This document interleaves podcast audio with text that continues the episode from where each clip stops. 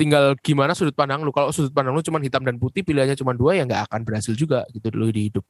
Tapi saat lu bisa lihat pan, sudut pandang lain dari sudut pandang yang lu suka, maka itu akan jadi yang tadi pertama kita bahas motivasi itu tadi. Welcome to Telcast, Talent Podcast. Oke, selamat datang teman-teman di Telcast. Nah, buat teman-teman yang belum tahu Telcast itu apa, jadi Telcast itu adalah singkatan atau kependekan dari Talent Podcast. Nah, di Talent Podcast ini, ini merupakan sebuah podcast yang cukup berbeda dengan podcast-podcast yang lain, karena di dalam podcast ini kita akan membawakan topik-topik atau isu-isu mengenai minat dan bakat di lingkungan mahasiswa. Nah, untuk di episode pertama ini teman-teman, eh, kita akan membicarakan sebuah topik yang bisa dibilang akhir-akhir ini eh, sangat ramai dibicarakan atau bisa dibilang sangat hangat lah isu ini. Nah, topik ini adalah 3M. Nah, 3M itu apa sih? Udah kayak jargon kan? 3M itu adalah mahasiswa, motivasi, dan musik. Nah, jadi sesuai topik, hari ini kita akan membicarakan atau mengupas tuntas tentang minat bakat di dalam dunia musik secara spesifik, khususnya di lingkungan mahasiswa.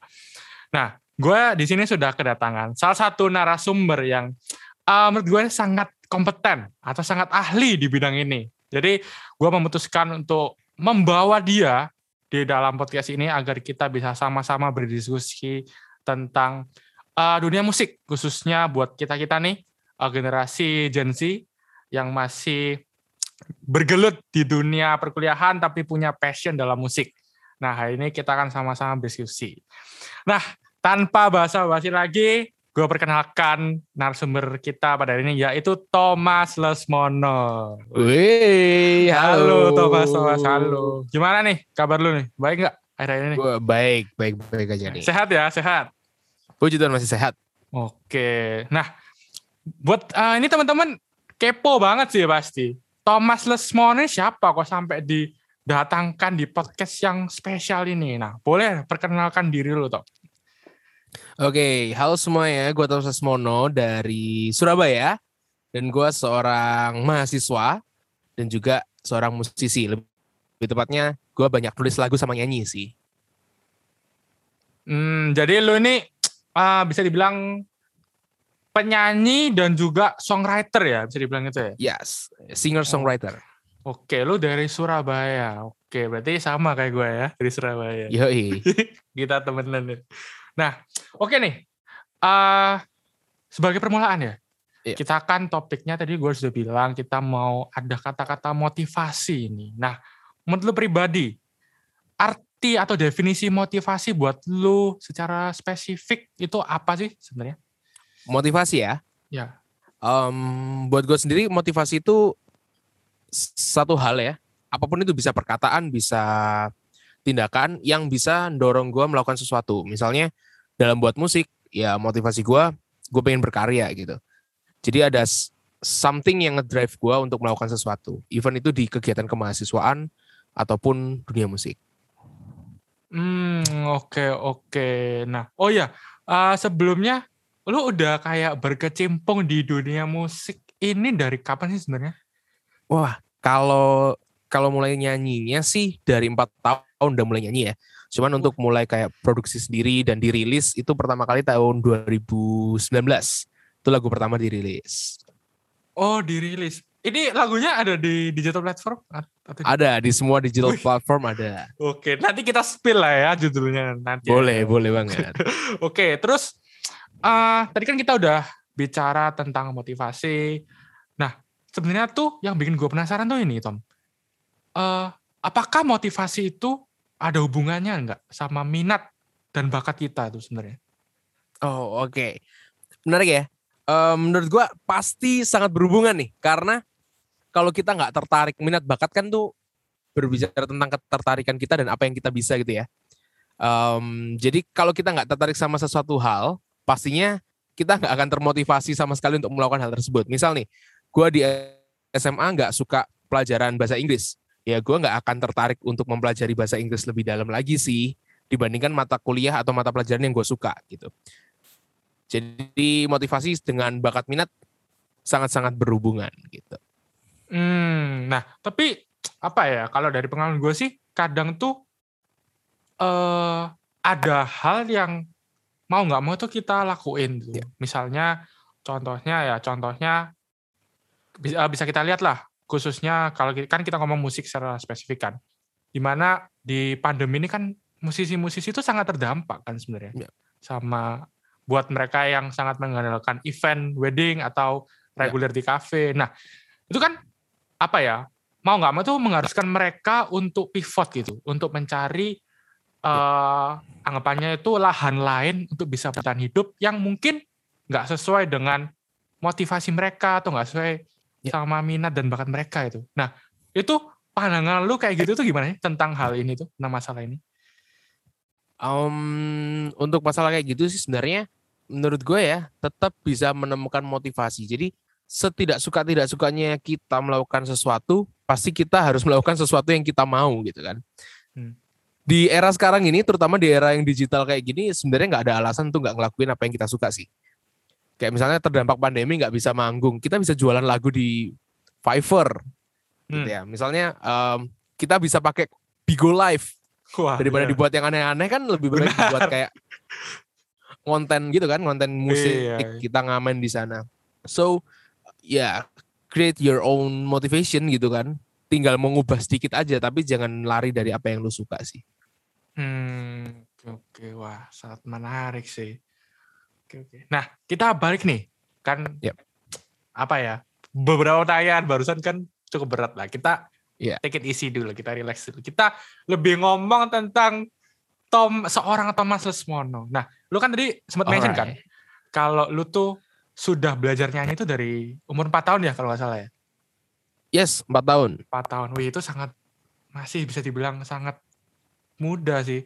Nah, tapi dengan umur 4 tahun itu apakah lu awalnya itu eh, suka dengan musik atau seperti cerita anak-anak pada umumnya yang eh, dipaksa sama orang tua gitu. Ah, alright.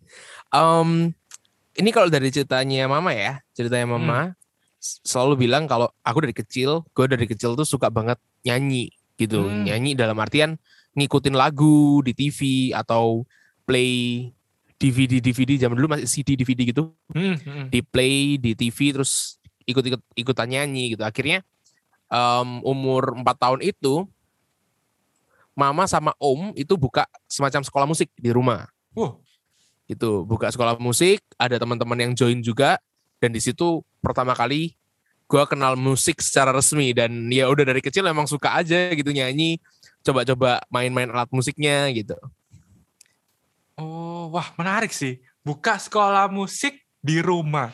yes Wah unik sih kan biasanya kan sekolah musik tuh kayak di ruko atau maksudnya tempat yang terpisah dari rumah.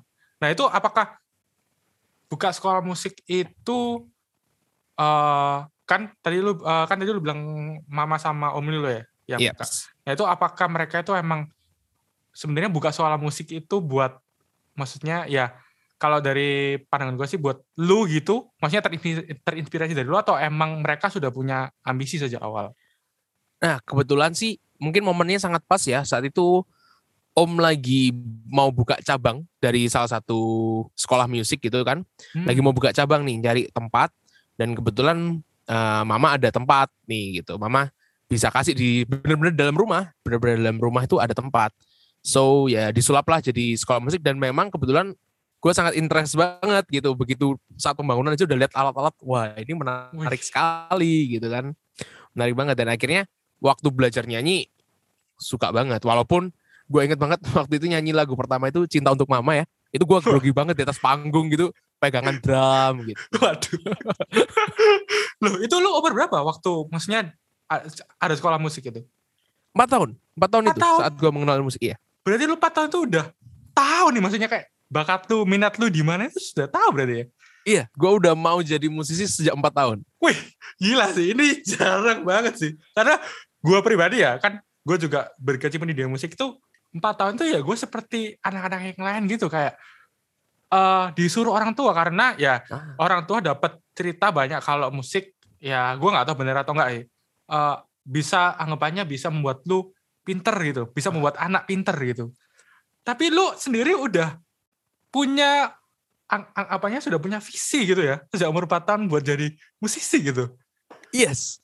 Dari kecil emang gue mau jadi musisi sih. Eh, Mungkin yang sedikit terpaksa waktu itu disuruh belajar piano klasik kali ya. Karena kan gak seberapa Hmm. suka genrenya. Cuman di luar itu gue suka suka-suka aja gitu. Memang dari kecil pengen jadi musisi one day gitu. oh nah berarti lu ber- eh, berarti awalnya berangkat dari piano klasik atau langsung nyanyi Oh langsung nyanyi. Pertama langsung nyanyi. Oh, langsung nyanyi. Nah, itu itu gimana ya? Kan karena eh, dari pengalaman gua kan semua orang itu dasarnya katanya ya, dasarnya tuh belajar piano klasik karena Ya. buat mengenal nada, mengenal eh, apa ya, chord dan lain-lain itu berangkat dari situ. Nah, tapi lu langsung nyanyi ya? Langsung nyanyi. Nah, itu Iya. lu, lu mengenal nada itu gimana caranya? Nah itu, um, gue karena cerita nyokap tadi, cerita mama tadi yang gue suka nyanyi-nyanyi sendiri ngikutin lagu Hah? dan gue nggak pernah fales sih dari kecil. Maksudnya nyanyi itu bisa on on note banget gitu. Makanya waktu harus belajar nyanyi nggak mengalami kesusahan yang seperti apa gitu saat pertama kali belajar. Gila, gak pernah fals. Berarti lu di tenggorokan itu ada autotune gitu. Gak gitu juga. Mungkin fales cuman falsnya ya manusiawi lah. Manusiawi ya. Oh, nggak nggak yang sampai merusak telinga gitu ya falsnya. Enggak ya, enggak sampai yang Oh. ya gitu. Oke. Nah, lu ini nah terus lu belajar piano klasik berarti di terpaksa berarti kan? Terpaksa. ya? Iya, sedikit. Nah, itu kenapa? Maksudnya kan eh, anggapannya kan kalau secara logika kan eh, nyokap lu nih udah tahu nih, lu apa emang dunianya di dunia tarik suara gitu. Nah, Iya. tapi kenapa nyokap lu malah menyuruh lu untuk belajar piano klasik? Apakah ada tujuan tertentu gitu? Ah, em, karena mungkin dari dulu sampai sekarang mungkin ya ada ada stigma kalau orang bisa main piano tuh pinter, orang bisa main Hmm, piano tuh benar. jago gitu kan. Musik-musik kayak kalau berkelas ya mainnya piano gitu. Mungkin karena itu juga akhirnya dilesin piano klasik. Sebenarnya gue bukan yang kayak nggak mau nggak mau banget, cuman gue lebih ke Mm-mm. males latihannya aja karena harus baca kan kalau piano klasik. Hmm. Gue latihan di sananya yang malas karena gue kan nggak suka nggak hafal juga sebenarnya Oh. gitu. Tapi sebenarnya kalau dengerin musik klasik suka-suka aja gitu. Oh suka berarti denger klasik. suka-suka aja dengernya. Hmm. Nah, berarti kan anggapannya nih piano klasik kan nggak apa ya nggak nggak satu jalan sama minat lu kan sebenarnya. Iya. Nah itu apakah eh, maksudnya apa yang lu lu lu lakuin untuk menghadapi masalah itu? Maksudnya apa resolusi dari itu itu? Oke. Em, mungkin karena masih dalam satu lingkup musik, piano klasik kan satu hal yang bisa didengerin. Jadinya pada saat itu sih gue berusaha untuk menyamakan suaranya dari apa yang gue baca, paham nggak ya? Jadi gue minta guru gue mainin, terus gue Hmm. coba nyamain suaranya daripada gue harus baca gitu. Wih. Oh. Walaupun waktu itu ya nggak mirip-mirip banget, cuman at least berhasil lah untuk ujian-ujian. Oh, wih menarik sih ini. Ini gue gak udah ketemu sih ini orang kayak gini. menarik sih. Tapi berarti guru les lu tuh udah tahu kan maksudnya minat lu tuh bukan di piano klasik gitu. Oh, Apa udah tahu, udah, udah tahu. tahu. Hmm, Nah, Yes. yang guru les lu lakuin apa? Selalu apa setelah setelah beliau tahu kalau lu apa? Maksudnya jalannya bukan di sini lah, tapi di di, di dunia tarik suara gitu. Hmm, sebenarnya ya tetap dilesin pada umumnya karena Mm-mm. kebetulan guru gua udah nggak ada ya almarhum. Mhm. almarhum Bapak Elias kalau mendengarkan eh nggak bisa ya. Almarhum mendengarkan. Eh, beliau em, kebetulan juga guru paduan suara jadi beliau Oh, juga paduan bisa nyanyi. Jadi gue sih enjoy enjoy aja karena pada saat les piano banyak obrolan juga yang menarik. Nggak cuma tentang piano jadi sambil main sambil ngobrol. Jadi mungkin di situlah kelebihannya beliau untuk ngajar gua gitu Hmm. Nah, itu lu umur berapa tuh? Um, belajar piano? belajar piano nggak jauh beda dari waktu nyanyi sih Berarti umur 45 itu? lima iya lima enam tahun lah lima Nah. tahun lah Itu lu udah bisa komunikasi, maksudnya ngobrol enak sama guru les lo? iya ya pasti pada saat itu kalau dibayangin pasti ya masih obrolan bocil sih Ya, ha-ha. cuman Iya, bisa ngobrol enak sih. Pembahasannya juga yang asik-asik gitu. Gila Banget. sih. Umur lima udah bisa ngobrol santuy lah dengan guru les. Wah itu jarang banget sih. Iya. Karena gue gua kan gue juga berangkat dari klasik kan. Wah gue Yes. dulu tuh orangnya kalau les tuh pendiam banget gitu. Ah. Kalau gue tuh kayak apa ya namanya kalau les gitu paling di bawah 10 kata gue ngomong. Pokoknya Oh. gue main terus, gue main terus apa disuruh gue main, gue diem main gitu. Mulai mungkin mulai SMP SMA baru bisa kayak mengutarakan pendapat gitu sih. Tapi lu dari umur 5 udah bisa gila banget. Iya iya iya. Eh gua gua mungkin cukup talkative ya. Cukup em, suka ngobrol orangnya. Jadi pada saat kelas berapa ya? Kelas 3, kelas 4 itu gue bisa ngobrolin bisnis MLM sama guru piano gue. Soalnya dia datengin orang MLM gitu nawarin gue MLM apa ya itu dulu kayak email-email gitu nggak Ah, jelas ah. gitu tapi ya nggak nggak ikut akhirnya nggak boleh sama mama sih Oh, gila bisa bisnis MLM. Gue aja tahu bisnis MLM tuh SMA loh. Ini udah tahu dari kecil gila emang. Nah, terus nih, lu kan tadi sempet lu tuh apa ya, genre lu tuh bukan di klasik gitu. Yap. Nah, kalau boleh tahu genre musik lu itu apa sih sebenarnya? Sebenarnya untuk dengerin gue dengerin semua genre musik even Hmm. klasik kan tadi gue juga suka dengerin cuman untuk nyanyi mungkin lebih ke arah pop ballad atau jazz gitu mungkin ya Hmm, oh tapi kecil waktu kecil sebelum SMP gue lebih sering main rock rock. Iya. Band apa yang lu dengerin atau penyanyi siapa? um, gue nyanyiin be- be- beberapa lagu rock sih kayak si Charlo main yang mainstream mainstream gitu yang uh, Avenged Sevenfold Ah, Wih, itu ada masih berapa? banyak videonya di YouTube di Wah. YouTube banyak tuh videonya Ntar gue rock. cari coba. itu umur berapa nyanyi rock itu? Um, mungkin start kelas kelas 1 kelas 2 sampai S- kelas 6 SD. SD. SD udah nyanyi. Astaga. Iya. SD gue nyanyi rock. Kok bisa lo ini orang ya? Kelas Andalan gue dulu Sweet Child Mine itu udah andalan banget. Gila lo. Kelas kelas eh, SD udah nyanyi Sweet Chat Oh Man sudah Evans ah gila sih lo. Lo orang eh lo lo alien emang beda. gila lo. Orang sekecil itu sudah tahu musik rock gila sih emang. Nah, gue pengen tanya pendapat lo ini. Kan eh, buat para orang tua di luar sana Iya. atau teman-teman ya. Kan kita tuh ang- anggapannya apa ya? Kayak dalam tanda kutip dicuci otak kalau ada anggapan tuh musik itu apa ya bisa memberi pengaruh positif dan mencerdaskan otak. Ya. Itu khususnya kita ngomongnya musik klasik ya, karena apa ya dari pengalaman gua lihat teman-teman gua juga bahkan orang tua gue sendiri itu eh, beranggapan bahwa musik klasik itu adalah fundamental yang tepat untuk belajar musik karena dengan musik klasik katanya bisa mencerdaskan otak buat orang lebih pintar. Nah, menurut lu nih, lu pribadi, apakah lu setuju dengan statement ini gitu? Oke. Hmm, setuju dan tidak setuju sih. Gue setuju dan tidak. Tuh? Menarik, menarik.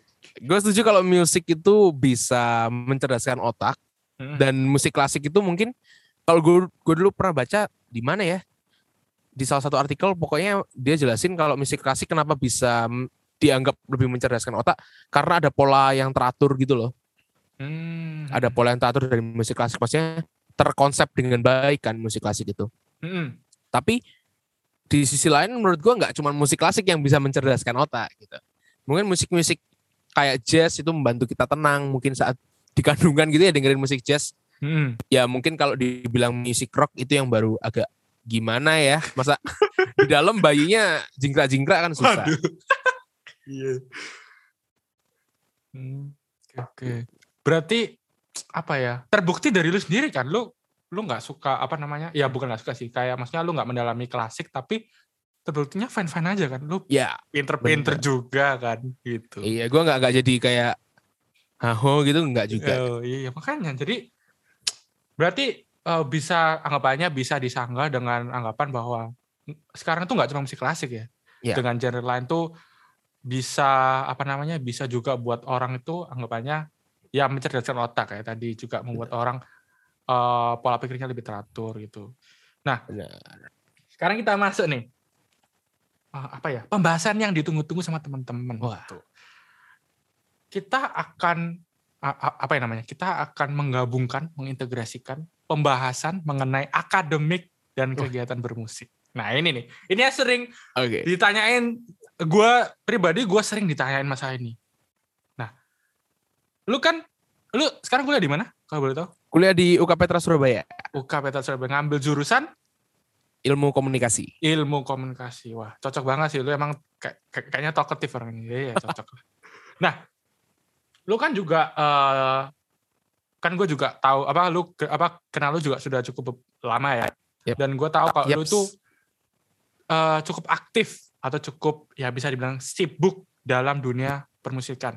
Nah, kalau eh, buat lu pribadi, gimana sih cara mengatur kehidupan bermusik dan kehidupan akademik lu itu gimana sih? Oke. Em, musik itu udah bagian dari hidup ya, maksudnya. Hmm. Mungkin lu juga pasti merasa Ya. musik itu udah bagian dari hidup. Benar, benar. Like kalau gue sesimpel di jalan, gue bisa humming, gue bisa nyanyi, itu menurut gue udah part of bermusik.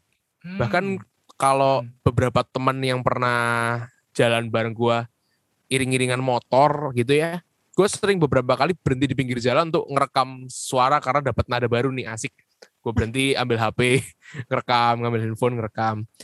Kayak gitu. Jadi gimana ngebalansinnya ya musik masuk di segala aspek dalam kehidupan kayak belajar sambil dengerin musik misalnya atau eh, buntu lagi nggak bisa mikir, gue ke sini sebentar main-main keyboard sebentar, piano bentar, terus belajar lagi gitu.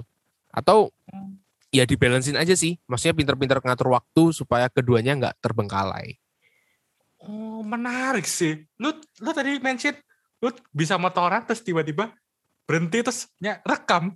Yes, Bisa gitu loh.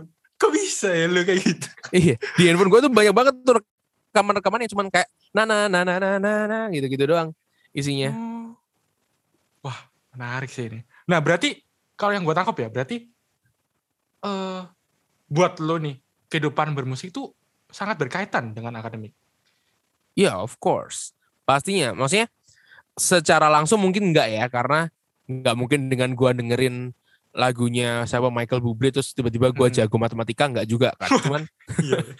cuman saat belajar itu mungkin cukup membantu gitu ya untuk dengerin musik eh, instrumen atau apa untuk Hmm. meredakan suasana lebih nyaman buat buat suasana lebih nyaman gitu. Jadi bisa membantu akademiknya juga. Bahkan dulu gue inget banget waktu SMA kelas 1 kelas 10 ya SMA Mm-mm. itu gue buat lagu tentang biologi dan itu kepake waktu ulangan. Jadi di ulangan tuh lagunya muter di kepala gitu. Oh, jadi lu ngafalinnya sistemnya pakai lagu gitu ya? Ya kebetulan waktu itu tugas untuk kreativitas gitu. Terus gue buat lagu. Eh ternyata nyantol dan kepake waktu ulangannya, waktu ujiannya itu. Jadi ternyata sangat membantu gitu. Wih gila sih, ini ini lain sih, ini keren sih. Biasanya kan orang ngafalin tuh ya kayak ya biasa kayak tutup, apa mungkin tutup mata ngafalin, tapi lu buat lagu ya. Iya itu nggak nggak sengaja sih karena tugas aja dan kebetulan ulangannya keluar dan bisa jawab. Waktu itu lagunya ini hutan hujan tropis gitu-gitu lagunya. Di Oh. Katulistiwa. keren sih, keren sih. Gila, mungkin ya buat teman-teman ya yang mungkin masih di bangku sekolah, masih struggle belajar biologi bisa tanya nih, gimana tipsnya nih buat lagu biar bisa ngafalin. Wah keren sih. Nah, kan gue juga lihat-lihat nih, lu tuh juga hektik banget nih buat masalah organisasi. Bahkan lu tadi kita sebelum podcast lu mention lu baru selesai rapat kan. Iya. Nah, itu dari tengah kehektikan lu nih sama organisasi kampus. Apakah lu bakal tetap hmm, apa ya? ngelibatin musik nih? Ah, Maksudnya lu ngeluangin waktu untuk bisa main musik gitu. Iya. Pasti sih. Dalam organisasi kampus gini. Musik itu yang buat gue bisa dikenal sebegitunya di kampus Hmm. gitu ya. Hmm. Eh, maksudnya banyak orang yang tahu nama gue karena musik gitu loh karena oh ini anak yang ngeluarin lagu oh ini anak yang kemarin nyanyi di sini ini anak yang kemarin nyanyi di sini dan musik juga yang bantu gue masuk di organisasi mungkin ya di organisasi dan kepanitiaan so gue pasti akan selalu ngelibatin musik kayak salah satu acara yang gue pegang juga tentang musik terus Hmm. gue waktu kemarin terlibat di acara ospek sekolah ospek kampus juga buat musik sama lu kan bantuin buat musik juga. Heeh. terus bikin apa kayak melakukan apa pakai musik gitu. Gitu Oh. sih. Justru musik ini kayak anggapannya jadi ujung tombak ya berarti ya buat lu. Iya iya. Jadi nilai plus juga maksudnya di saat yang lain cuman buat seminar nggak ada apa-apanya gue bisa buat apa em, biasa buat konser doang terus gue buat drama musikal gitu kan Wih, jadi menarik. lebih menarik Iya jatuhnya bener. Oh gila, keren sih. Gila gila ini orang ini tuh punya seribu satu ide buat musik untuk diapa-apain emang keren nih. Nah ini nih kan eh tadi lu bilang musik itu kadang lu kalau jenuh apa lu dengerin musik nih. Iya. Eh ada saatnya nggak lu itu jenuh sama bermusik? jenuh sama bermusik Iya. mungkin kalau bermusiknya enggak kalau dengerin musik kadang iya Hah, gimana Jadi- tuh? Jenuh dengerin musik jadi- tuh gimana? jadi that's why gue ini salah satu penyanyi yang mungkin nggak tahu banyak lagu gitu karena Oh. gue nggak seberapa suka untuk dengerin lagu baru. Oh ini ada lagu baru terus gue dengerin terus nggak. Bukan tipe orang kayak gitu. Lagu tuh kalau gue nggak sengaja denger terus suka baru gue dengerin masuk ke playlist. Kalau nggak nggak. Nah makanya kadang jenuh untuk dengerin lagu. Tapi kalau untuk mainnya atau create something gitu, rasanya kalau nggak ada kegiatan bisa setiap hari gue di ruangan ini pegang gitar atau keyboard untuk bikin lagu, nulis lagu gitu. Gitu. Hmm, Jadi lu bukan orang yang tipenya eh kayak searching nih, ada lagu apa nih hits yang hits bukan berarti. Bukan. Wah. Bukan sama sekali. Kalau Kan- nggak sengaja Ah. denger, nggak sengaja lewat, itu malah suka biasanya. Oh, soalnya dari pengalaman gue ya, eh penyanyi-penyanyi ini malah eh orang ang- anggapannya orang pertama dalam band yang tahu ada lagu baru gitu sih. Dari, pengalaman gue ya.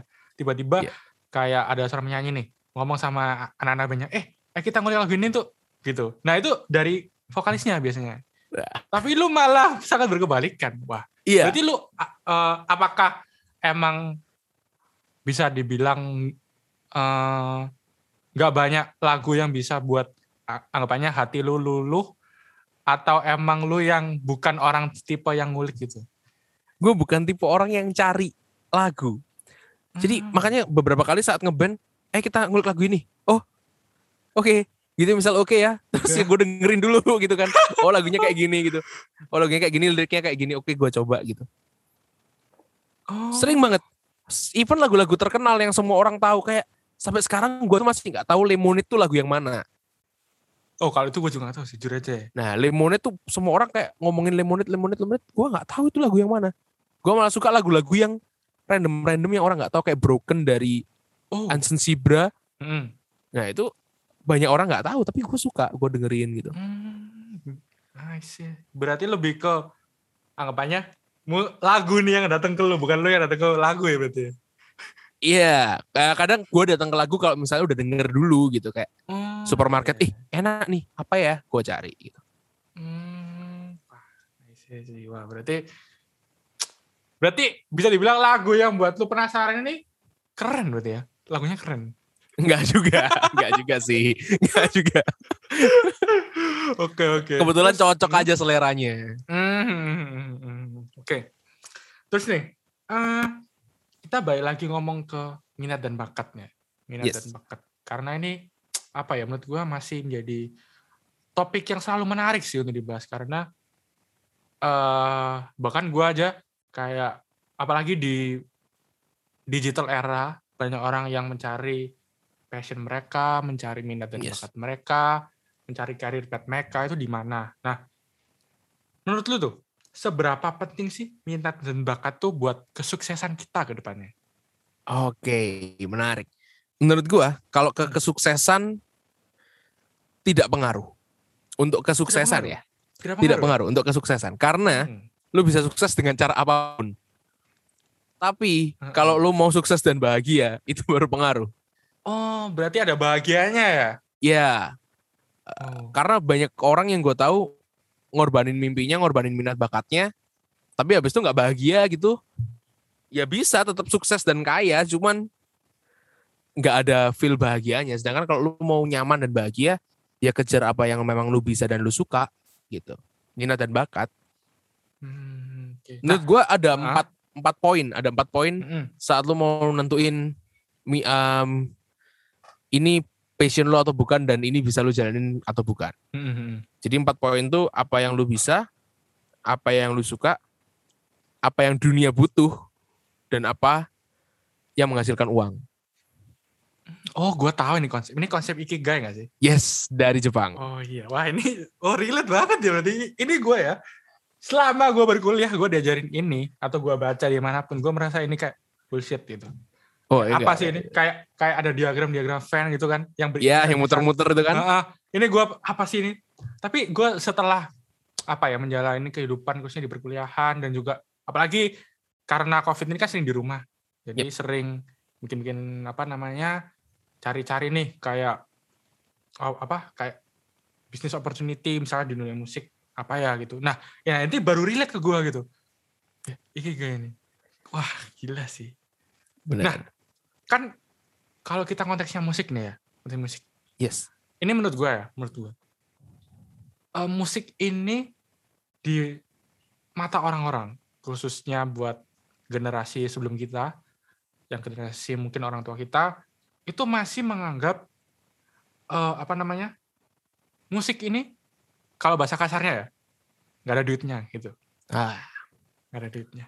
Nah, tentu kalau kayak gini tuh kan kita sebagai eh, maksudnya anak muda yang berapi-api dalam bermusik mau nggak mau ya kita anggapannya 80% kita harus ya mengikuti apa kata orang tua kita. Misal kita disuruh belajar, misal kita ya, misal kita suka musik nih, tapi kita disuruh belajar hukum, nah, misal kayak gitu. Nah itu kan sudah anggapannya kan belum tentu sesuai dengan minat dan bakat kita. Yep. Nah apa sih yang harus kita lakuin tuh jika ada hal kayak kayak gini gitu? ya oke. Menarik ya ini, ini topik yang menarik. Hmm, ada satu kisah salah satu pianis, salah satu Hmm. pianis yang pernah les di rumah gua. Les sama guru gua juga. Dia itu disuruh kedokteran sama orang tuanya. Hmm, Tapi dia maunya ambil musik.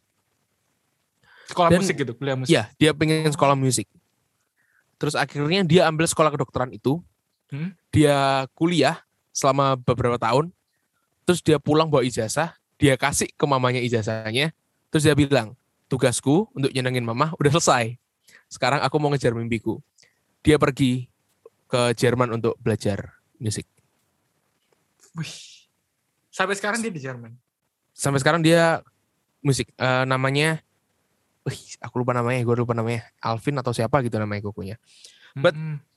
my point is sebenarnya orang tua itu mau yang terbaik pasti. Mm-mm. Cuman poinnya adalah gimana kita bisa membuktikan kalau apa yang kita lakukan itu menghasilkan.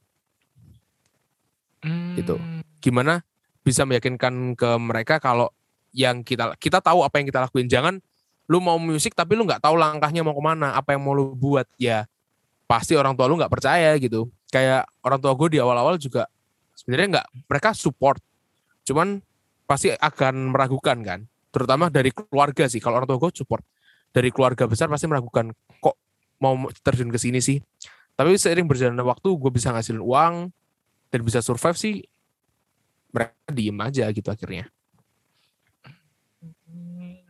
Jadi intinya tuh orang tua kita atau maksudnya pihak-pihak yang menantang kita itu sebenarnya mereka itu bukan apa ya nggak setuju tapi mereka butuh pembuktian gitu ya mungkin. Iya, bet- perlu pembuktian.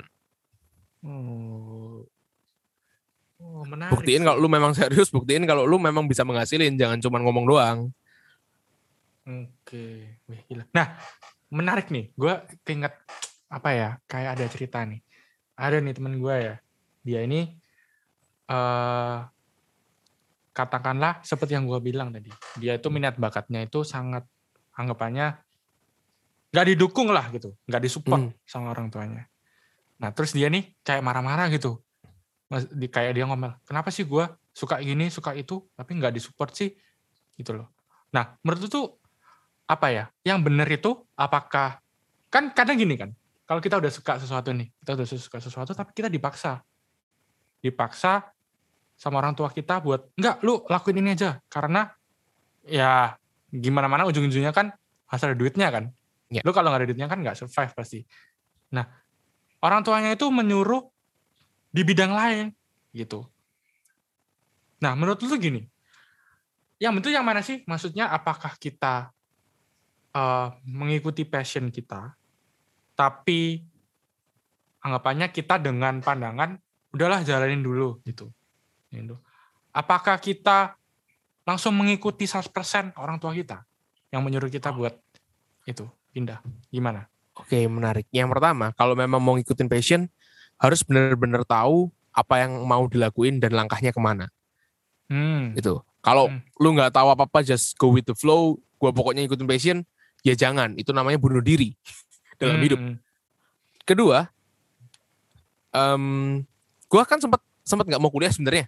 Sempat mau wah fokus musik aja gitu ya. Sempat ngomong-ngomong kayak fokus musik aja lah gitu. Ya, ya, Tapi ya. akhirnya gua kuliah kebetulan di sangat di program studi yang sangat gue suka ilmu komunikasi. Hmm. but- Lu bisa memaksimalkan apa yang lu punya untuk tempat kuliah lu gitu. Hmm. Lu punya pilihan itu. Misalnya lu suka musik tapi lu disuruh arsitektur. Hmm. Ya, misalnya lu suka musik disuruh arsitektur. Ya, cari kayak apa di arsitektur misalnya buat gedung musik juga yang hubungannya sama musik. Jadi sebenarnya ada banyak jalan untuk ke arah sana gitu. Tinggal gimana sudut pandang lu. Kalau sudut pandang lu cuma hitam dan putih, pilihannya cuma dua ya nggak akan berhasil juga gitu dulu di hidup. Tapi saat lu bisa lihat pan- sudut pandang lain dari sudut pandang yang lu suka, maka itu akan jadi yang tadi pertama kita bahas motivasi itu tadi. Hmm, menarik.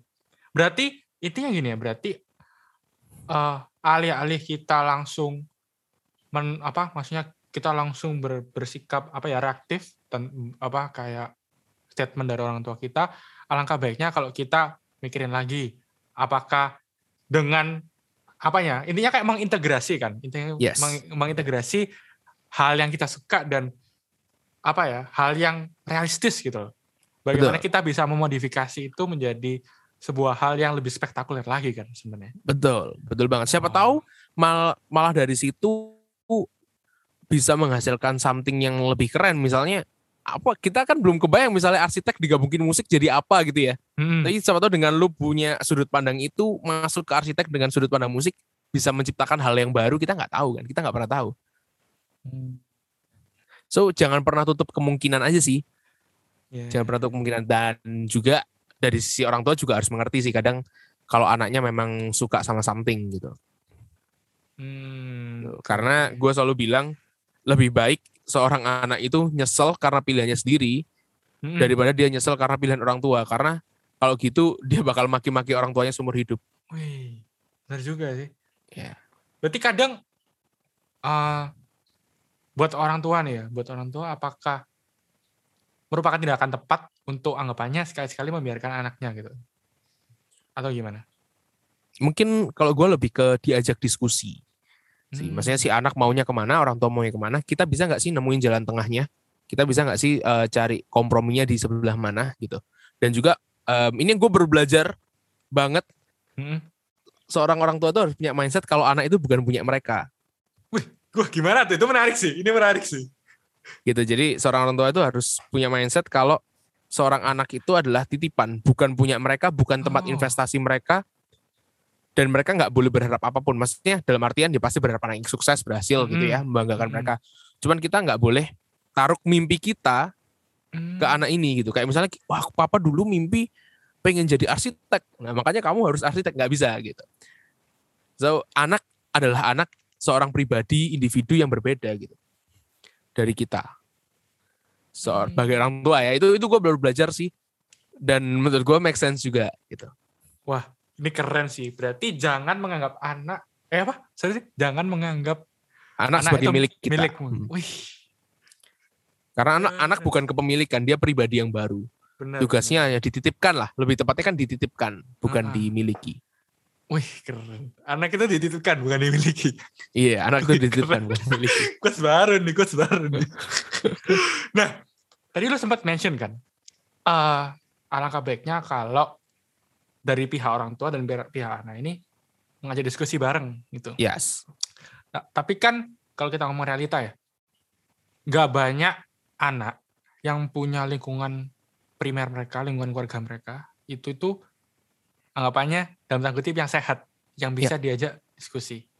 Seringkali, apalagi uh, dari pengalaman gue ya, orang tua yang bisa dibilang konservatif, yang lebih konservatif, itu anggapannya lebih nggak mau tahu gitu. Pokoknya lu anak gue, lu ngikutin gue. Gitu. Iya. Nah itu gimana? Kan kalau menurut gue ya, komunikasi itu kan dua arah. Yeps. Bagaimana jika dari orang tuanya itu kayak gitu gitu, kayak anggapannya nggak nggak mau dikajak diskusi itu, apakah ada resolusi yang masih mungkin bisa dilakukan? Oke. Yang pertama anak anak sendiri harus tahu kalau orang tua kayak gitu pasti karena background si orang tua. Hmm. Ya kan? Mungkin sama papanya digituin atau gimana kita nggak tahu. Cuman di sisi lain kalau gue sendiri prefer selama lu tahu apa yang lu lakuin sebagai anak, lakuin aja dengan tetap nurutin orang tua. Jadi lu akan kerja ekstra sih. Lu akan kerja jauh eks, lebih ekstra dibandingkan orang lain. Cuman lu buktiin apa yang lu lakuin ini berhasil, sambil lu buktiin lu nurutin apa kata orang tua gitu. Hmm. Temen gue ada, menarik. teman gue ada nggak diizinin untuk nyanyi sebenarnya, udah nggak diizinin lagi kayak buat apa sih dan segala macam. Cuman Hmm. anak ini akhirnya eh, membuktikan kalau di kampus dia bagus banget dalam hal ini. Maksudnya dia punya kompeten yang bagus, terus akhirnya dia beli mic sendiri, dia coba-coba sendiri dan ya orang tuanya mulai bisa menerima gitu. Hmm. At the end orang tuanya oke. karena seenggak suka nggak sukanya orang tua terhadap sesuatu, kalau anak itu berhasil membanggakan dia, bakalan dipuji walaupun bukan di depannya anak itu sendiri. Gua tahu itu dari mana? Dari apa sih papa kayak nggak pernah kayak muji langsung di depan, Hmm, tapi iya, di depan teman-temannya dibanggain iya. Gua anakku relate itu. Sama Ya kan? Nggak pernah, nggak pernah orang tua tuh di depan, wah kamu membanggakan, nggak pernah. Jangan pernah harap, pasti eh, adanya kayak di Geng, kayak gengsi gitu gak sih? Yes, bener. Kayak ya masih ada aja yang salah, tapi di, di luar dia bangga gitu. Jadi sometimes ya kita harus lihat kedua sisi itu gitu. Walaupun dilarang, waktu itu sempat gue nggak boleh lomba gitu. Tapi waktu gue lomba Oh. tetap di di ini ya ini menang anakku gitu gitu loh. Jadi Oh. ya pemahaman dua sisi tetap sih. Walaupun konservatif, mereka pasti tetap sayang sama anaknya Hmm. oke. gitu. Jadi sebenarnya yang gue tangkap ya dari diskusi kita tuh mereka yaitu orang tua kita itu sebenarnya yang melarang itu sebenarnya intinya itu butuh butuh pembuktian udah simple gitu nggak sih? Yes, yes. Butuh pembuktian apa kalau bisa menghasilkan dari sini. Sebenarnya kalau kita sudah membuktikan ya mereka pasti akan fine-fine aja kan. Iya betul. Nah mungkin nih ini dari gue ya buat kalian yang eh, tengah lagi menghadapi masalah ini. Kalau buat gue pribadi sih jangan menyalahkan keadaan sih sebenarnya. Betul. Jangan menyalahkan orang tua lu yang melarang. Justru itu tantangan gak sih harusnya Iya. buat lu supaya bisa meyakinkan kasih pembuktian nih. Emang kalau lu bener-bener yakin dengan industri ini, gimana lu bisa convince mereka gitu kan? Yes. Nah, jadi nah itu, ingat teman-teman, jangan suka menyalahkan keadaan. Benar. Kadang musuhmu adalah dirimu sendiri. Wah mantap. Gila, dan dan, dan ini, ini dan gue gue selalu selalu nganggap gini sih saat lu mulai menyalahkan keadaan karena kegagalan lu berarti di sana lu mulai meragukan kemampuan lu sendiri Hmm, benar sih itu. gitu Berarti lu kayak kayak udah nggak yakin sama diri lu kan? iya Wah, benar-benar gila. Wih, menarik sih ini pembahasan kita sih. Karena relate banget ya sih ini. Gak tau, ini banyak teman-teman gue yang juga kayak gini sebenarnya. Jadi makanya gue, apa ya, dalam hati gue, gue pengen kasih ini, mereka sebenarnya tuh kayak gini sebenarnya tuh. Harusnya kayak gini, kayak gitu, gitu. Wah, menarik Iya. sih. Nah. Berani, aja sih lebih Ya, tepatnya berani aja benar. sih gitu Bener, berani. Oke. Nah, kita balik lagi nih ke kehidupan seorang Thomas wih oke kan lu udah berkecimpung di dunia musik dari umur 4 adakah nggak sih ses, apa sosok yang membuat lu itu tertarik dengan musik? Dan apa ya eh apa yang bisa lu ambil Hmm. dari sosok itu, itu sebenarnya? Ada nggak? Nah ini menarik. Gue malah nggak pernah kayak mengidolakan dalam tanda kutip seorang musisi gitu loh wah sama sekali sama sekali ya mungkin gue sekedar suka oh ya gue suka eh, cara nyanyinya atau attitude-nya dari Michael Bublé Lalu Ya. gue suka em, bagaimana Bobby McFerrin bisa ngetune biola pakai mulutnya gitu ya. Mulutnya udah kayak auto tune gitu. Iya. Cuman nggak ada kayak spesifik. Oh ya gue suka satu orang karena dia gini gini gini itu nggak ada, nggak ada. Ya sebatas kayak oh iya enak ya orang ini gitu aja gitu.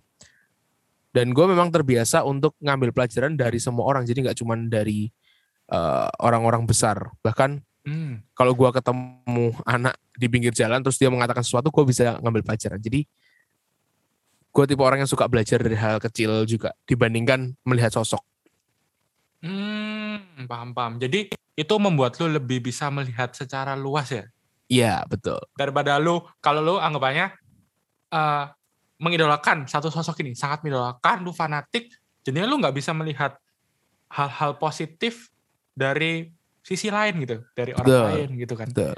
Oh menarik sih. Oh ada sih gua idola satu. Oh, ada siapa? Agatha Chelsea karena cantik sudah. Waduh. Udah titik BTW, gitu. yang dengerin ini itu kan kebanyakan anak Bandung kan pasti. Wah itu ada nih teman-teman gue yang temannya kata Chelsea. Nah kalau boleh dikenalin boleh deh. Project bareng. Gua ke Jakarta bolos kuliah. Eh, berangkat gua. Itu guys. Dengerin guys. Sosok Thomas ke Jakarta demi Agatha Chelsea. Kapan lagi? Ya buat teman-teman kalian ya teman-teman gua ya yang dengerin yang temannya Agatha Chelsea bisa nih. Oke oke. Nah tadi lu sempat mention lu bisa menghasilkan duit dari musik. Nah itu Yes. sebenarnya itu awalnya gimana sih? Apakah lu awalnya itu hobi ya hobi terus tiba-tiba oh nggak sengaja nih tiba-tiba ada duitnya gitu. Atau lu emang sudah kayak punya visi yang benar-benar sudah sak apa ya kayak sudah pasti gitu loh yang udah fix di musik gitu. Awalnya gimana prosesnya? Iya seperti yang gue bilang sebenarnya gue sangat-sangat ingin kerja di musik.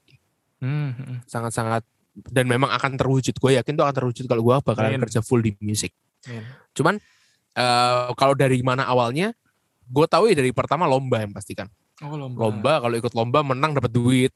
Lomba menang dapat duit. Oh bisa menghasilkan ya walaupun duit waktu itu ke mama semua sih nggak pernah ke gua.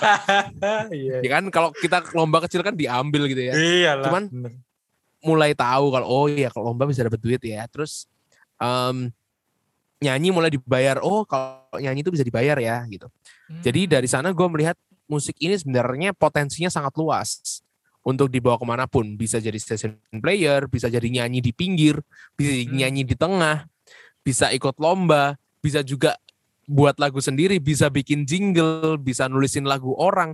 Jadi Hmm. ranahnya sangat luas sekali. Bisa kayak kayak lu kan juga mixingin orang, produksiin Hmm. orang gitu kan, mainin musik orang. Nah itu menurut gua belum dieksplor di Indonesia sebaik itu sih yang main Hmm. hanya orang-orang tertentu padahal oh bisnisnya sangat besar uangnya sangat banyak sekali itu dunia musik apalagi misalnya orang musik dan bisa ngomong dengan baik juga public speaking itu akan nilai plus dan nambahin duit tuh banyak banget Hmm, benar. Oke. Lah, nah lu kan sempat mention kan, kalau di Indonesia ini apa ya musik ini masih dipandang sebelah mata. Gitu. Hmm. Nah, itu sebenarnya buat apa menurut lu ini? Aja kenapa sih? Kena- Kenapa orang-orang tuh susah untuk bisa memvalue musik itu sama atau setara dengan pekerjaan-pekerjaan yang ya kayak kantoran itu kayak misal kenapa nggak bisa musik itu sevalue pengacara? Ya. Kenapa musik musisi nggak bisa satu value dengan dokter? ya? Nah, itu kenapa sih menurut lu sebenarnya? Gue juga penasaran sebenarnya sampai sekarang. oke benar menarik ya menurut gue salah satunya adalah karena musik ini adalah satu pekerjaan yang tidak terukur Ah, maksudnya terukur gimana? terukur dalam artian belum tentu lo dapet job bulan ini belum tentu Heeh. kalau lu dapet job harganya sama. Sedangkan kalau orang kantoran kan tiap bulan harganya dia segitu yang dikerjakan apa jelas. Sedangkan musisi kan kadang ada yang satu bulan dua bulan nggak manggung nggak apa fokus buat musik misalnya gitu. Mm-mm. Jadi hidupnya memang berbeda gitu. Makanya orang kayak nggak tahu sebenarnya musisi dapat uang dari mana gitu. Padahal kalau dipelajari lebih dalam, ya itu tadi sebenarnya di Indonesia ini permainan uang di dunia musik juga cukup tinggi gitu, cukup Ah, iya, besar. iya, iya. Perputaran uangnya cukup banyak. Gitu. Oh, Mungkin tapi- karena orang-orang ah. kurang eksplor aja, kurang kurang pengetahuan tentang dunia musiknya gitu. Nah, itu gimana biar biar orang-orang itu bisa anggapnya tercerahkan gitu, terbuka matanya gitu loh. Kalau musik itu bukan pekerjaan yang menye-menye yang Iya. yang rendah gitu loh. Maksudnya ya kita sebagai musisi kan juga kadang sebel ya. Kenapa orang itu merendahkan musisi-musisi gitu, pekerjaan seorang musisi gitu. Di satu sisi gue menganggap orang gitu termasuk orang bodoh dalam musik ya, orang bodoh dalam musik. Gue di satu sisi merasa penting untuk ada mereka gitu, karena sebagai sarana pembuktian kalau mereka meragukan kita, kita bisa membuktikan. Jadi biarlah orang bodoh tetap bodoh gitu kan. Cuman tuh egois banget kalau misalnya ditanyain tentang gimana caranya mereka tahu ya dengan musisi-musisi mulai ngomong ini loh tentang uh, apa yang kita suarakan, ini loh yang kita kerjakan. Jadi mulai diekspos aja kita lagi ngerjain apa, lagi ngapain gitu. Ka- Apalagi di dunia sosial media yang sangat luas sekarang kan Iya, iya. kita bisa share apa pun gitu kan. Bener sih. Jadi kalau mau naikin literasi tentang mereka ya, eh tentang kita di dunia musik ya ekspos aja kita lagi ngapain aja gitu. Hmm. Menarik. Karena ah, apa ya, gue juga sebagai musisi ya, kadang eh kalau kita mau bahasa bi- bisnisnya tuh bargaining power kita itu kalah gitu loh sama klien kita misal Mm, gitu. Kita mau menawarkan ini, tapi kita juga apa ya, gue merasa kayak kita nggak ada acuan price rate yang tertentu. Hmm. Contoh misalnya, kita kerja kantoran, ada ada UMR yang sebagai kayak acuan itu loh. Nah, kita sebagai musisi itu kayak seperti ya mungkin kalau secara nggak tertulis ada ya, tapi kalau secara tertulis gamblang gitu, nggak ada kayak acuan biaya kita itu berapa. Jadinya kadang itu apa orang itu dengan kayak gitu tuh, misal kl- klien tuh kayak punya kuasa lebih lah untuk bisa nego neken harga gitu loh buat kita. Itu menurut lu gimana kayak gitu tuh? Oke ini menarik. Menurut gua, Heeh. lu bisa kasih harga sesuai dengan yang lu bisa kasih. Jadi tetap di mana-mana lu akan di atas klien selama lu bisa kasih tahu klien kenapa harga lu segini. Misalnya lu minta harga 5 juta. Lu Hmm. jelasin 5 juta ini keperluannya apa aja. Untuk lu berapa, untuk misalnya uh, produksi gitu ya. Kan misalnya lu beli keyboard nih, beli keyboard nih kan berapa juta dulunya. Mm-mm. Itu bisa lu hitung nih sekali pakai berkurang berapa. Hmm, bener. Sekali pakai berkurang berapa nih. Nah, em, itu yang bisa lu lakuin dan juga apa aja yang klien dapat dengan harga segitu. Gitu. Jadi selama eh, lu jelas apa aja yang akan klien dapat. Misalnya ngomong mixing mastering, kalau cuma ngomong mixing mastering, mereka pasti akan tanya. Terus kenapa bisa semahal ini gitu kan? Di orang Iya. itu murah, di orang ini murah gitu ya. Kalau gua udah dibilang gitu ya, ya udah ke orang itu aja gitu kan. Ya udah kalau memang mau murah ke orang itu aja. Kalau di gua dapatnya ini, gua bisa saat mixing mastering revisinya kayak gini. Lalu gua pernah melakukan ini ini ini, ini. jadi lagu lu terjamin sama gua dan bla bla bla. Itu sih. Jadi value apa yang mereka dapat.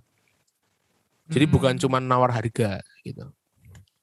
Jadi lebih ditekanin ke value apa sih yang yang yang bisa mereka dapat gitu ya daripada kita dan- berdebat soal harga gitu. Yes, dan enaknya dengan harga yang fleksibel, sebenarnya kita bisa naik turunin harga. Ini tanpa rate ya. Enaknya Hmm. tanpa rate adalah kita bisa naik turunin harga tergantung dengan siapa kita berklien. Hmm. Gitu ya. Misalnya saat kita lagi butuh publikasi, terus habis itu kliennya adalah pihak TV atau radio. Gue dengan senang hati kasih harga gratis gitu karena gue lagi butuh gitu kan. Oh, benar benar benar. Tapi saat kliennya adalah sebuah perusahaan yang memang butuhkan gue, gue bisa ngasih harga lebih tinggi. Itu sebenarnya satu keunggulan sendiri buat gue. Karena ini salah satu musisi yang cukup legendaris ya kan, atau cukup sepuh di Surabaya, em, Pak Is, Pak Iswan Hari. Hmm. Pak Iswan Hari itu pernah bilang dia menulis lagu untuk ibu-ibu PKK, Hmm. menulis aransemen paduan suara untuk ibu-ibu PKK, dia mau gratis. Dan dia tetap kerjakan sungguh-sungguh.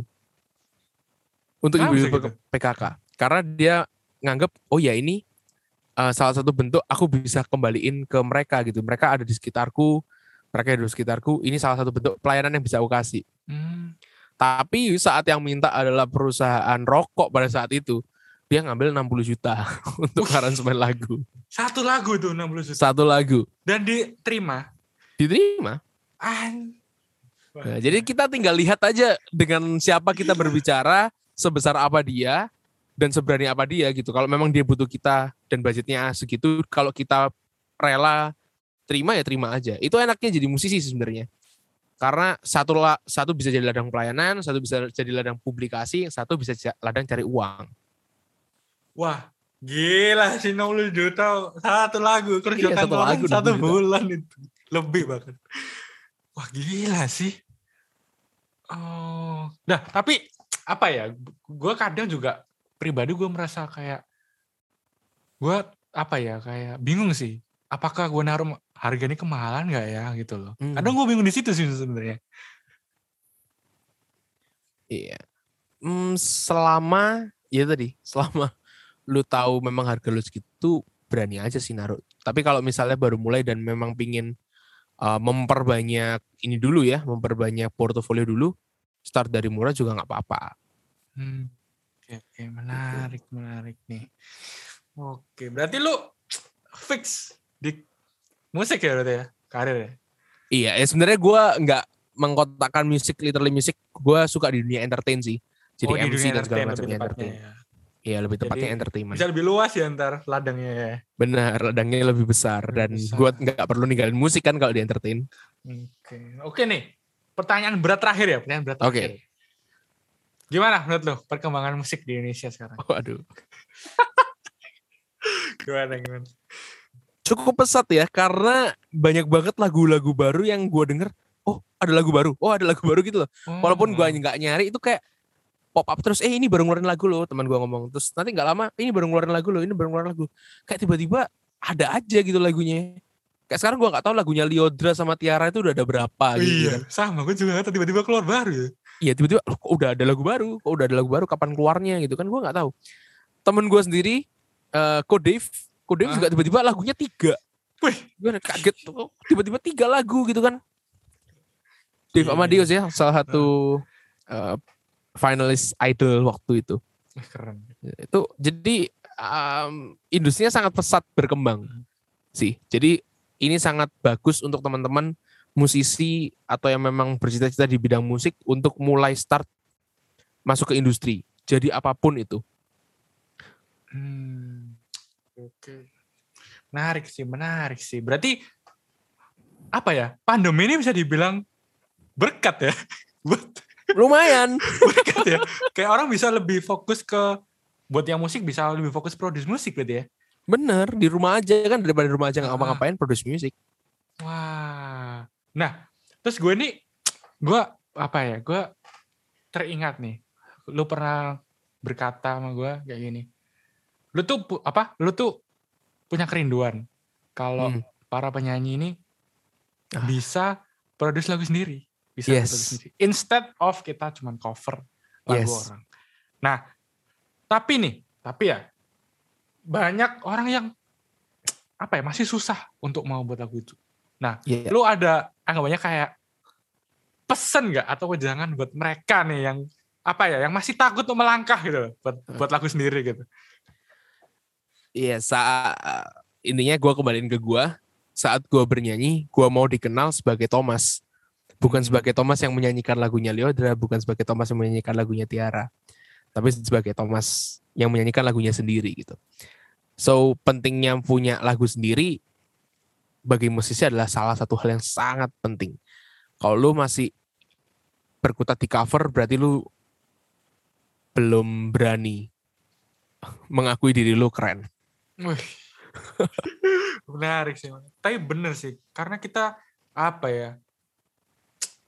Justru ini peluang kita sih buat buat lagu nggak sih sebenarnya daripada Yes. cover-cover kayak apa ya kayak udah rame aja cover kayak ya pasti lu ya gitu-gitu aja maksudnya nggak orang nggak bisa tahu lu karena lu cover doang gitu Ya, nggak salah cover nggak salah ya ya nggak salah maksudnya nggak salah ya tetap it's okay untuk lu nyanyi cover cuman tetap perlu lu punya sesuatu yang bisa lu pegang gitu kayak sekarang punya lagu sebatas punya lagu yang dirilis tuh suatu prestasi tersendiri gitu loh kayak oh ini Thomas yang buat lagu ya ini Thomas yang ini ya itu gue dikenal di kampus cukup kayak gitu kayak oh ini Thomas yang punya lagu gitu Oh. terus kayak dengan lu buat lagu dan memang kalau memang lu lulus sendiri akhirnya ladang uang lu juga bertambah gitu kan ladang Hmm. lu juga bertambah kayak bisa dipanggil pembicara atau Ya. dipanggil juri itu itu juga maksudnya kalau lu memang mau lihat secara materialistisnya gitu. Cuman gue punya kerinduan itu tadi yang lu bilang semua penyanyi mencoba untuk buat lagu sendiri. Walaupun misalnya lu nggak bisa buat lagu terus ada orang yang nulisin lagu buat lu it's okay. Yang penting lu keluarin karya original lu supaya dunia tahu siapa lu. Bukan dunia tahu siapa orang yang lu nyanyiin lagunya gitu. Hmm. Ini ini motivasi ya buat teman-teman yang khususnya buat para penyanyi dan dan sebenarnya juga berlaku buat musisi para musisi juga sih. Kan juga Yes. banyak lagu instrumental sekarang. Ya buat teman-teman yang apa ya, keluar dari comfort zone lah ya. Iya. Jangan uh, ya cover nggak salah sekali lagi, cover nggak salah, tapi alangkah baiknya kalau kita mencoba sesuatu yang lebih menantang, Wah, yang lebih mantap. baru lagi gitu. benar Nah, nah ini nih kita udah di udah ngomong lama sih nih, hampir sejam kayaknya nih. Wih. Gila, gila nih. Nah, eh gue penasaran sih, satu lagi, satu lagi, gue penasaran. oke Eh, sekarang lagu lu nih, yang sudah Iya. rilis, apa aja? Oke. Boleh disebutin judul dan Oke. di mana rilisnya? Nah itu Oke. boleh. Rilisnya di semua platform digital, Spotify, Joox, iTunes, Apple Music, Deezer, semuanya. Apa bisa sebutin semuanya platform digital di YouTube pun ada. Eh, lagu pertama yang gue rilis itu Unknown Place, yang kedua My Valentine, dan yang terakhir Perahu, yang Hmm. paling terakhir. Oke. Nah, ini buat teman-teman ya yang penasaran sih. Thomas ini udah ngomong sangat berbobot, sangat banyak. Emang lagunya enak nggak sih? Nah, kalian dengerin sendiri itu. Tadi udah disebutin kan. Kalau mungkin bingung, bisa tanya aku sih, bisa. Wih, Tanya aku. Bisa tanya aku. Atau yang kalian buatin musik nih. atau kalian bisa search aja di YouTube apa di YouTube Thomas pasti ada keluar kok. Yes. Berarti sekarang udah ada tiga lagu ya, Tom ya? Iya, tiga lagu dan OTW tiga lagu lagi. Wih, berarti tiga lagu. Boleh di apa ya kasih spill spill gitu lah. Apa sih tiga Oke. lagu depannya apa? tiga lagu ke depan nih menceritakan backstory dari lagu terakhir Perahu. Jadi dengerin Perahu dulu, resapin. Nanti kalian bakal dengerin lagu yang lain nih. Tiga lagu yang akan jadi backstory-nya. Hmm, Berarti kayak satu cerita ya ini. Satu storyline benar satu Satu, cerita. wih keren sih. Nah, kita hubungkan lagi sama motivasi. Motivasi lu bisa nulis lagu sebagai gitu itu apa sih sebenarnya? Motivasinya sering patah hati teman-teman. Aduh. Sering-sering lah patah hati sehingga lagu-lagu yang ditulis mendalam. Tapi sebagai musisi yang memang buat lagu, itu penting untuk merasa bisa peka akan rasa sedih, rasa sakit, rasa senang, dan rasa-rasa yang lain. Oke, jadi instead of ya kalian yang galau-galau, nangis di kamar, di balik selimut, jadikanlah kegalauan kalian sebuah karya. Wah, Asik. Banget. Oke nih, untuk penutup, lu ada nggak quotes atau apa ya eh, pesan-pesan pesan buat Hmm. teman-teman khususnya yang sumber sama kita ya, yang masih dalam Ya. dunia perkuliahan, tapi juga punya passion eh, yang sangat besar di dunia musik. Ada nggak nih pesan-pesan atau quotes gitu? Salah satu quotes yang paling gue suka itu quotes yang simple dan sangat mainstream sebenarnya, Hmm? yaitu do what you love and love what you do. Karena gue percaya langkah awal tidak pernah bagus, tapi itulah adalah kunci utama dari kalau kita mau sukses. Wih, keren. Do what you love, love, Love what you do. Wih, keren nih emang. Oke nih. Terakhir, banget, terakhir banget, terakhir banget. Terakhir Oke. banget, sangat janji gue terakhir banget. Harapan lu untuk industri musik Indonesia ke depannya gimana? Semoga semakin banyak musisi yang join di industri musik, meramaikan industri musik, bisa saling berkolaborasi dan juga yang pastinya lebih maju dari sekarang. Oke, mantap. Jadi thank you ya Tom sudah mau hadir di podcast Thank ini. you. Kita sudah ngomong banyak hal tentang motivasi, tentang musik juga, bagaimana kita bisa terus termotivasi, bagaimana kita bisa mengembangkan minat dan bakat kita. Nah, eh, buat teman-teman yang sudah dengerin sampai detik ini, thank you banget sudah meluangkan waktunya, ya mungkin kegabutannya buat dengerin podcast kita. Semoga podcast kita bisa bermanfaat buat teman-teman dan bisa menjadi motivasi ke depannya. Oke, thank you sekali lagi buat Thomas sudah you, thank berkenan sharing di Talkcast edisi perdana ini. Oke teman-teman, buat podcast selanjutnya mau bahas apa nantikan saja. Oke, stay, stay tune ya di Talkcast di Talkcast selanjutnya. Bye teman-teman. Bye.